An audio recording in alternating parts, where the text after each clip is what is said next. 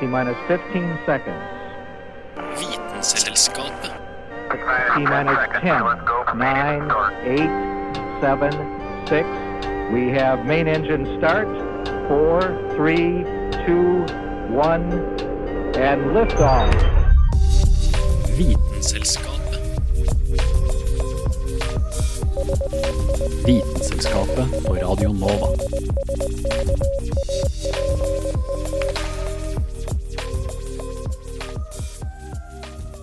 I dag er robot et selvforklarende begrep. Vi har i hvert fall alle noen assosiasjoner knytta til ordet. Men robotbegrepet dukka faktisk ikke opp før på 1920-tallet. Da i et uh, tsjekkisk science fiction-skuespill som fremstilte robotene som slavemaskiner for menneskene. Robota betyr nemlig slavearbeider på tsjekkisk, og henviser til slavearbeiderne under føydalsystemet i 1800-tallets Europa.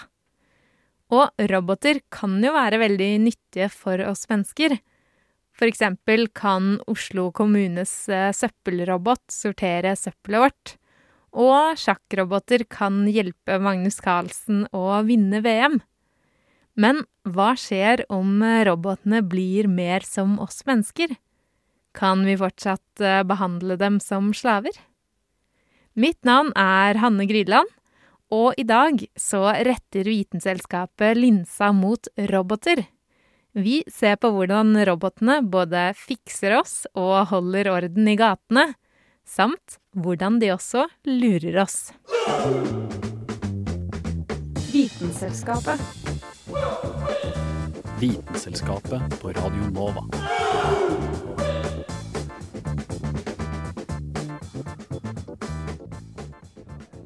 Internett kryr av smarte roboter og maskiner, virus og oss mennesker. Men hvordan klarer en datamaskin å skille mellom oss og dem? Dataen klarer vel verken å se oss eller høre oss mens vi surfer på det o store internett? Du vet de kodene du alltid måtte skrive inn før du f.eks. gjennomførte et kjøp på nettet? De kodene som til tider var litt for vanskelig å tyde fordi de hadde rar skrifttype eller rar form på selve koden. I tillegg så var det kanskje skurrete bakgrunn og kanskje masse streker eller andre ting oppå selve koden. Og den irritasjonen man fikk når man ikke klarte å få korrekt kode, og så får man en ny kode som er ja, like vanskelig som den forrige, og så tenker du bare med deg sjøl må jeg virkelig overbevise min egen datamaskin om at jeg faktisk er et menneske? Ja, det må du faktisk, fordi disse kodene skal beskytte mot spam-roboter, sånn at disse her ikke skal sende ut f.eks. søppelpost.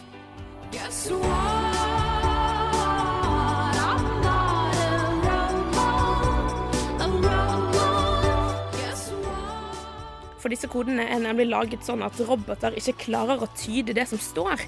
Og Derfor blir det som et slags hinder for roboter og datamaskiner for å komme seg videre.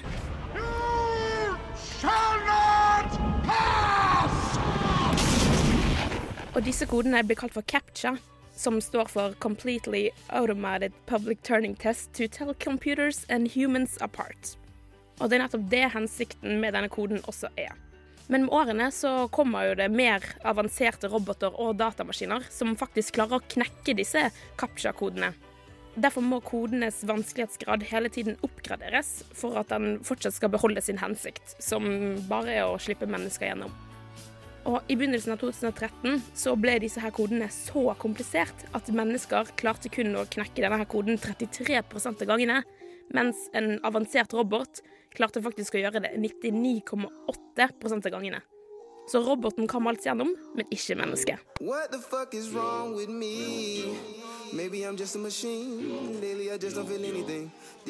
Så året etter så kom Google med sin nye versjon av denne her capture-koden, som de kalte for No Capture Recapture. Denne her koden består kun av en enkelt boks der det står 'Jeg er ikke en robot', som du er nødt til å huke av. Men hvordan kan en sånn type test være bedre enn de kompliserte kodene vi hadde før? Med denne nye no capture, recapture-koden så gjør Google nemlig en rekke undersøkelser i sine systemer idet du trykker på denne boksen. De sjekker IP-adressen din, hvor du bor, hva klokken er, informasjon om hvordan du bevegde musepekeren før du klikket på boksen, hvordan du har scrollet opp og ned på en webside, tidsintervallet eh, du har vært på de ulike nettsidene, og flere variabler som Google holder hemmelig for oss. Og alle disse her variablene blir så prosessert i Google sine systemer. Og i de aller fleste gangene så klarer dette systemet å skille mellom menneske og datamaskin. Men er ikke dette systemet helt sikker, så får du opp en ekstra test, som er en slags bildegjenkjenningstest. Du har sikkert fått opp spørsmålet 'Huk av alle bildene som viser et skilt'. Og det er akkurat en sånn test jeg snakker om. Så bare tenk neste gang du får opp et sånt spørsmål der du må luke av forskjellige bilder. Da kan det hende at Google er faktisk usikker på om du er et menneske eller en robot. Og det er vel litt kult, eller? Denne saken ble laget av Anna Vik Røseth. Vis, vis, vis, vis, visste du at? Visste du at? Visste du at de lengstlevende cellene i kroppen er hjerneceller? Kroppen kan lage nye hjerneceller, men siden de fleste av dem lever et helt menneskeliv, har du mange av dem fra du er født til du dør. Det som gjør hjernen så kompleks, er ikke bare antallet hjerneceller, men antallet kontakter mellom hjernecellene. Disse kalles synapser, og det er omtrent 100 trillioner av dem i hjernen.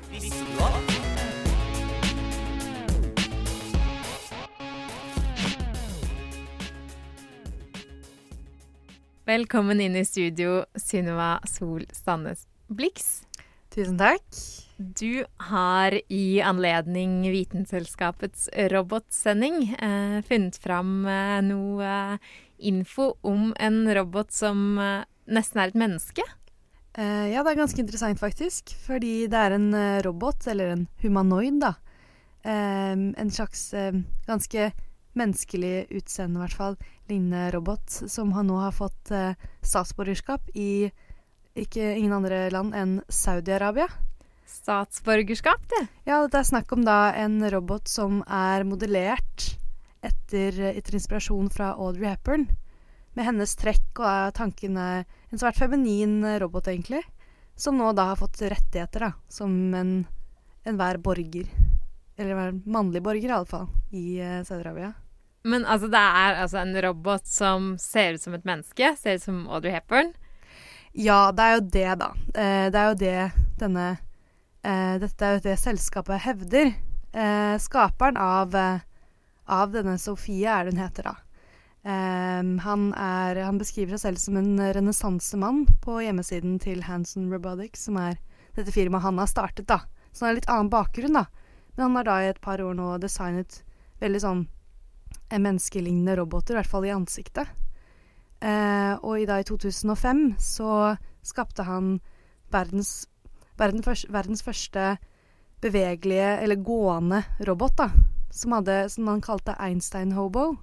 Som var som en liten som var, Han hadde ansikt som en, en slags Madame Tussauds-voksaktig ansikt, da.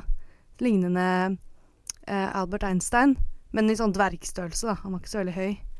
Um, og etter det så har han da produsert flere og flere roboter. Og da nå, og Sofia da, er den nyeste, en av de nyeste av, hans kreasjoner, da. Som nå da skal være veldig menneskelig. Hun skal, tanken er at hun skal at hun tenker selv og har ambisjoner og slike ting. Som jeg syns er veldig interessant, da.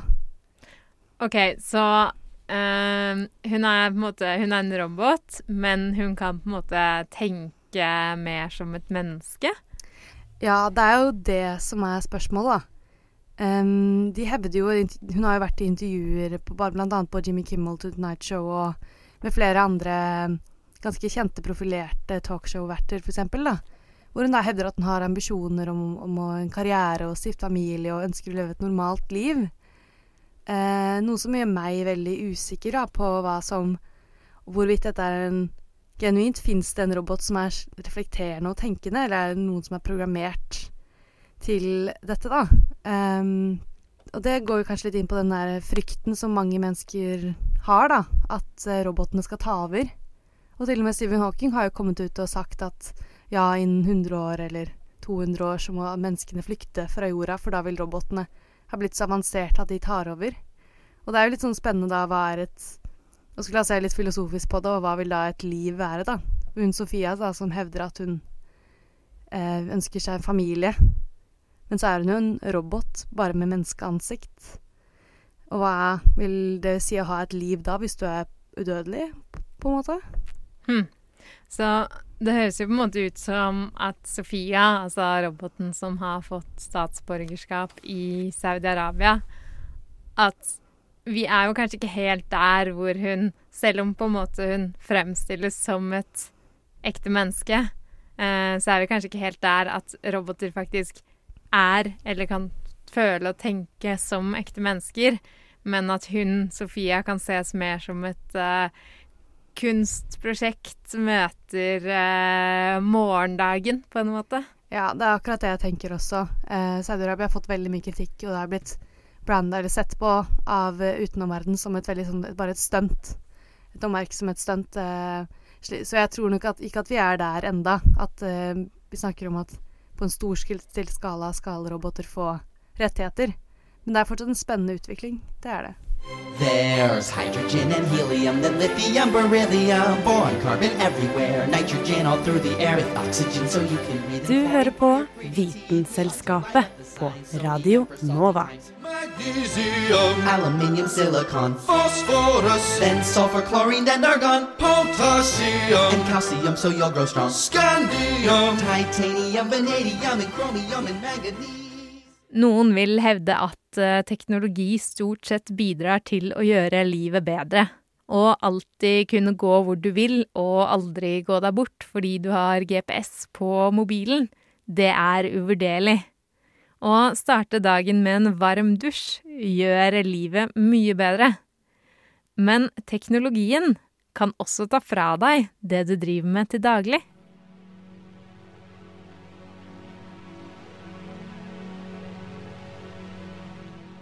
Er du glad i jobben din? Kanskje ikke. Men å kunne tjene penger på et vis er mer som et must om du skal leve i verden i dag. Du har nok hørt at det er stor sannsynlighet for at jobben din står i fare. Burde du være redd? Jobber forsvinner stadig vekk. Du finner ikke mange VHS-reparatører lenger, og menneskelige vekkerklukker er det vel knappast noen som har hørt om. Men både yrkene har på et eller annet tidspunkt fantes. Bare slå det opp.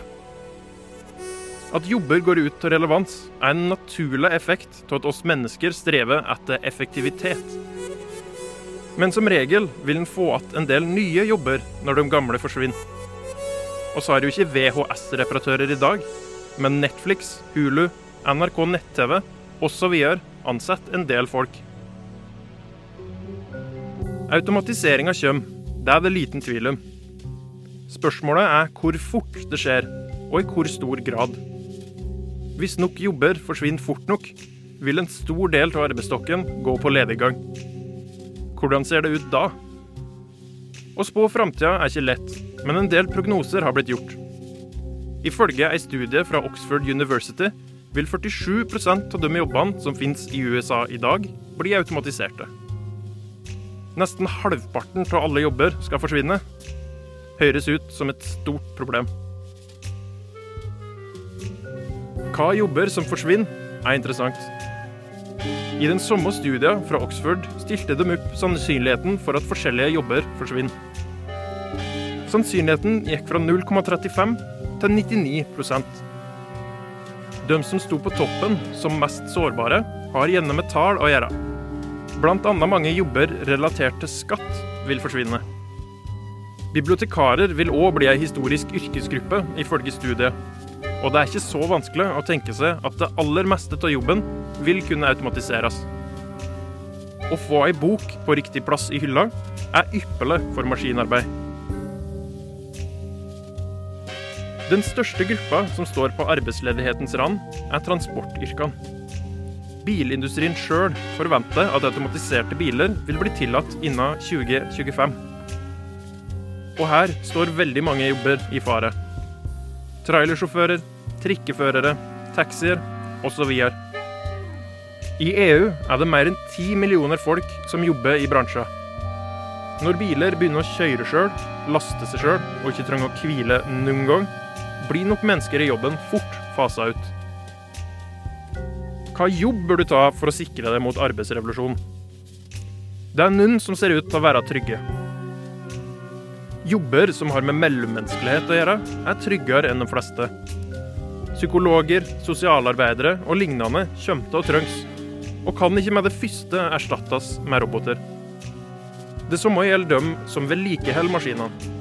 Å ta en ingeniørutdanning er derfor ikke dumt, sjøl om en alder kan vite om en er helt trygg.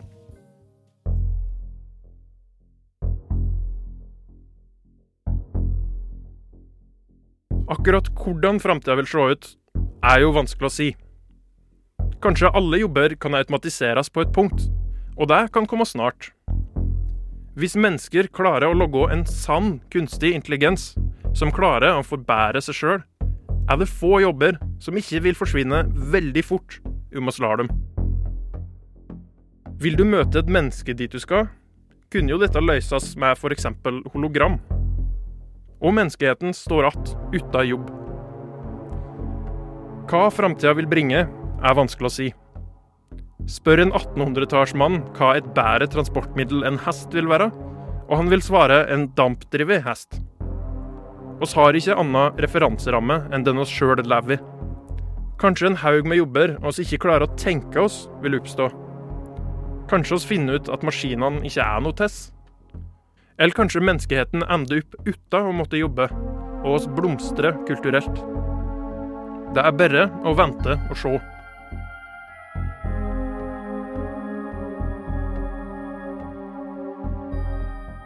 Til og med denne jobben, som journalist, står i fare.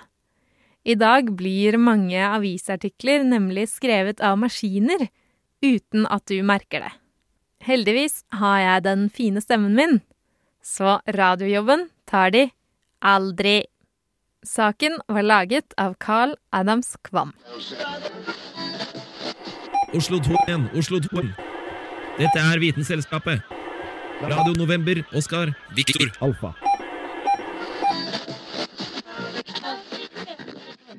La oss si at du blir alvorlig syk og må opereres. Ville du helst blitt operert av et menneske eller en robot? Det er i større og større grad et spørsmål som du må ta stilling til. For robotene, de gjør også sitt inntog i medisinen.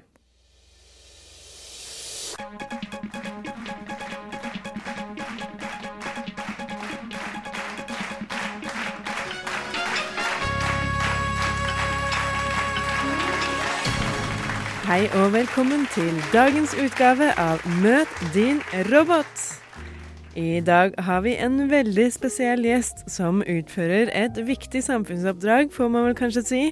Hun er nemlig kirurg, og en temmelig avansert en sådan.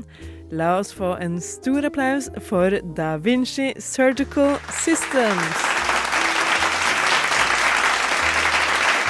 Så fint du kunne komme hit til oss, Da Vinci. Takk for invitasjonen. Du har vel et tett program, kan jeg tenke meg. Pihi, du kan si det, ja. Roboter innen medisin er jo et hett tema, og flere og flere sykehus tar dere i bruk nå. Vi har jo til og med flere kirurgiroboter her i lille Norge. Det finnes jo en del forskjellige systemer, men du er kanskje den mest kjente, da Vinci. Det jeg lurer på, er egentlig hvorfor er du bedre enn en vanlig kirurg, som jo har gått mange år på medisin og som ofte har mye erfaring? Jeg tror det er viktig å understreke at jeg og kirurgene samarbeider tett. Det er alltid en kirurg som styrer meg, men jeg kan hjelpe han eller hun med å bli litt stødige på hånda, og ikke minst, til å bedre se hva de driver med. En av armene mine er et avansert 3D-kamera som alltid viser området som skal opereres. Ja, for vi er jo på radio nå, så våre lyttere ser ikke helt hvordan du ser ut. Du har nemlig ikke en humanoid form, som man gjerne tenker seg med roboter, men minner kanskje mer om en blekksprut, fordi du er jo mest armer, om jeg får si det sånn. Rettere sagt fire grå armer som kan holde forskjellige ting, som kamera, skalpeller osv. Og disse er det altså du utfører kirurgien med. Det stemmer. Armene mine er mer fleksible enn menneskearmer, fordi jeg har flere ledd enn dere har, og det gjør at jeg kan komme til på steder som er vanskelig for dere. Ja, og du består faktisk av flere deler. For eh, her på siden er det en stol med et slags panel med det som ser ut som verdens mest klumpete VR-briller. Jeg regner med at det er her menneskekirurgen sitter og ser på hva han eller hun driver med? Ja, de styrer armene mine herfra ved å bruke fingrene. Så de trer fingrene inn i kontrollene her. Mhm. det, det ser avansert ut. Det er avansert. Hen kan til og med stille inn hvor store bevegelsene skal være, så hvis hen eksempel beveger fingrene tre centimeter, beveger jeg meg bare en centimeter. Robotkirurger eh, har jo fått mye skryt for at dere kan operere mer presist og på et mindre område, for eh, siden dere jo er mer fleksible enn oss mennesker, så trenger man ikke å kutte opp et så stort område.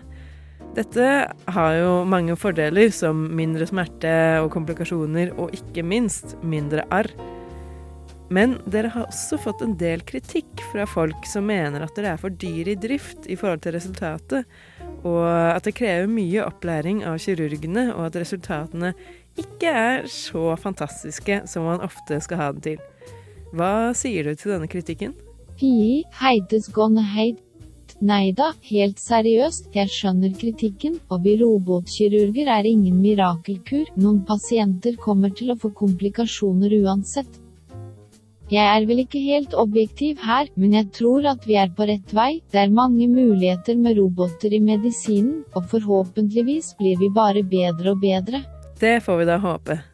Tusen takk for at du kunne komme til oss i dag, Da Vinci, en ekte robotkirurg der altså. Dette var alt vi hadde her i Møt din robot. Så da setter vi tilbake til Hanne i studio. Takk for det, Kristin Grydeland. Det virker jo som at eh, kirurger kommer til å spille en rolle i operasjoner en stund framover, i hvert fall.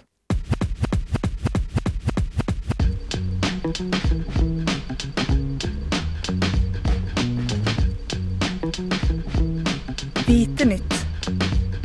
Det du trenger å vite. Velkommen tilbake til studio, Sunniva.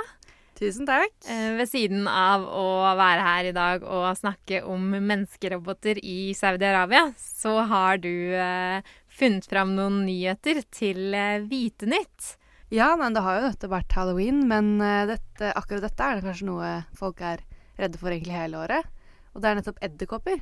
Eh, for det er jo en veldig sånn vanlig frykt. Noe irrasjonell, da, i hvert fall i Norge, i og med at edderkoppene er ganske små. Men eh, det, vi, det jeg alltid har tenkt i alle fall om edderkoppfrykt, er jo at dette er snakk om miljø og ikke arv. At dette er bare noe vi arver. Vi blir vant til det, foreldrene våre kanskje er redd for det, og så er det en frykt som blir opparbeidet i oss. Men nå har det faktisk kommet ut ny forskning som kan vise at eh, edderkoppfrykt faktisk er arvelig. Veldig mange voksne er jo selvfølgelig redd for edderkopper, og det er også ganske mange barn, men forskere har også sett at til og med ned til seks måneder gamle babyer kan også vise tegn på frykt for edderkopper. Eh, så da hadde forskere faktisk sett på målt pupillstørrelsen til eh, seks måneder gamle babyer eh, etter hvert som de ble utsatt for ulike, eller vist ulike bilder av ulike ting. Så det ble annet vist bilder av blomster og andre ting, men også da edderkopper. De målte da forskjellen på pupillene etter hvert som det ble vist ulike bildene. For én en ting er jo at pupillene, som vi vet, det, de utvider seg s- forminsker seg etter hvert som i kontakt med lys og slike ting. Men de kan også gjøre det hvis man er opphisset eller hvis man er redd. Det har da sett at pupillene til disse babyene også utvidet seg, i likhet med foreldre og i likhet med eldre. Og det er jo ganske interessant. Ok, så små barn som på en måte ikke ennå har klart å lære av foreldrene at eh, de skal være redde for edderkopper, de eh, tror da forskerne at er redde for edderkopper. Ja, og det, det de tror da kan være årsaken til at til og med babyer viser tegn til dette, er, kan være at for, det kan være noe som ligger langt, langt nede i genene våre. For fra for mange mange millioner år siden, der kanskje edderkopper var mye mer vanlig, og giftige edderkopper Man skulle være redd for dette, at dette er noe som da har opparbeidet seg og da satt seg i noen, noen gener, slik at det nå er en reell frykt. Ja, ikke sant? Fordi i land der faktisk Der det faktisk var livsfarlig da, å bli bitt av edderkopper, så overlevde jo de som naturlig holdt seg unna dem. Ja, nettopp. Så det er et slags sånn overlevelsesinstinkt. Det har, kan ha noe med det å gjøre, da. Hæla i taket med Vitenselskapet.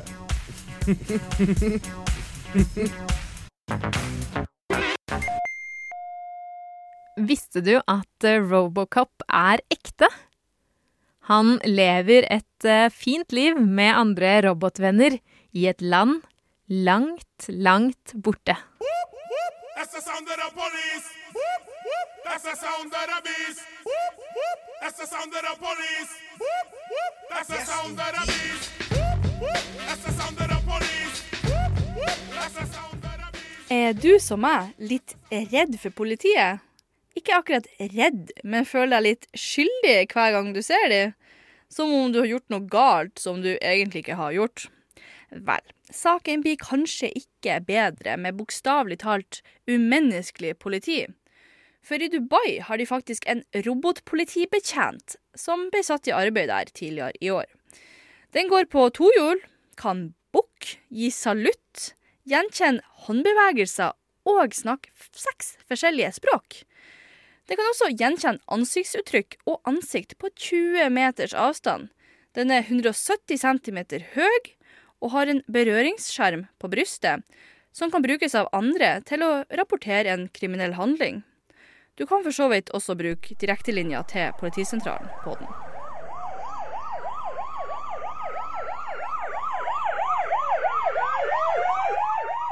Roboten ser ut som en robot, heldigvis. Ikke noe sånn skumle mennesketrekk. Og den står jo på en stålhjuling, altså en Segway, så den har jo ikke bein. Roboten er et samarbeid mellom IBMs Watson og Google. Og politiet i Dubai har faktisk uttalt at de ønsker å erstatte en fjerdedel av sin menneskelige politistyrke innen 2030. Jeg vet ikke helt hva som er planen å bruke denne roboten til sånn ellers, for akkurat nå så blir den brukt på kjøpesentre og plasser der turister er, noe som egentlig er jo ganske kjekt. Den kan også ha videosamtale, eh, som gir politiet mulighet for å få med seg hva det er som skjer. Den har for så vidt ikke noe tilgang til våpen, så man trenger ikke å være bekymra for en sånn Robocop-situasjon hvis det skulle gå galt.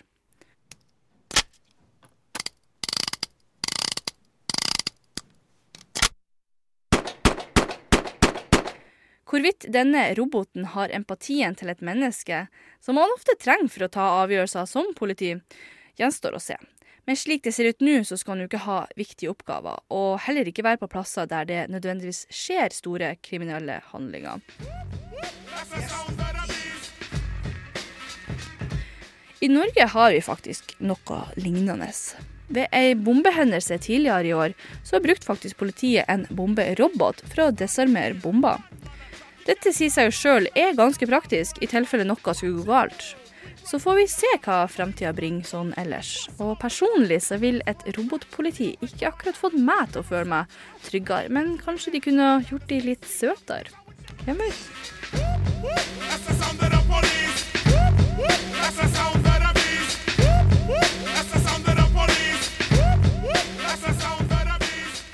Jeg er litt usikker på om vi burde ønske oss denne roboten til Norge. Men hvem vet? Det kan jo skje før vi vet ordet av det. Denne saken var laget av Ida Katrine Vassbotn.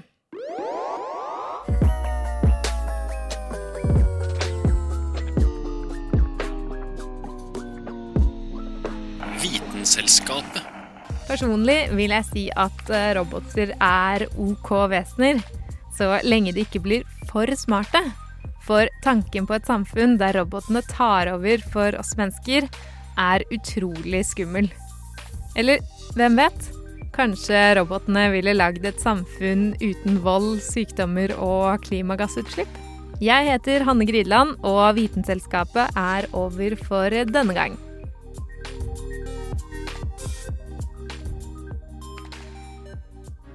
Vitenselskapet. Vitenselskap. Vitenselskapet. Vitenselskapet. Vitenselskapet. Vitenselskapet.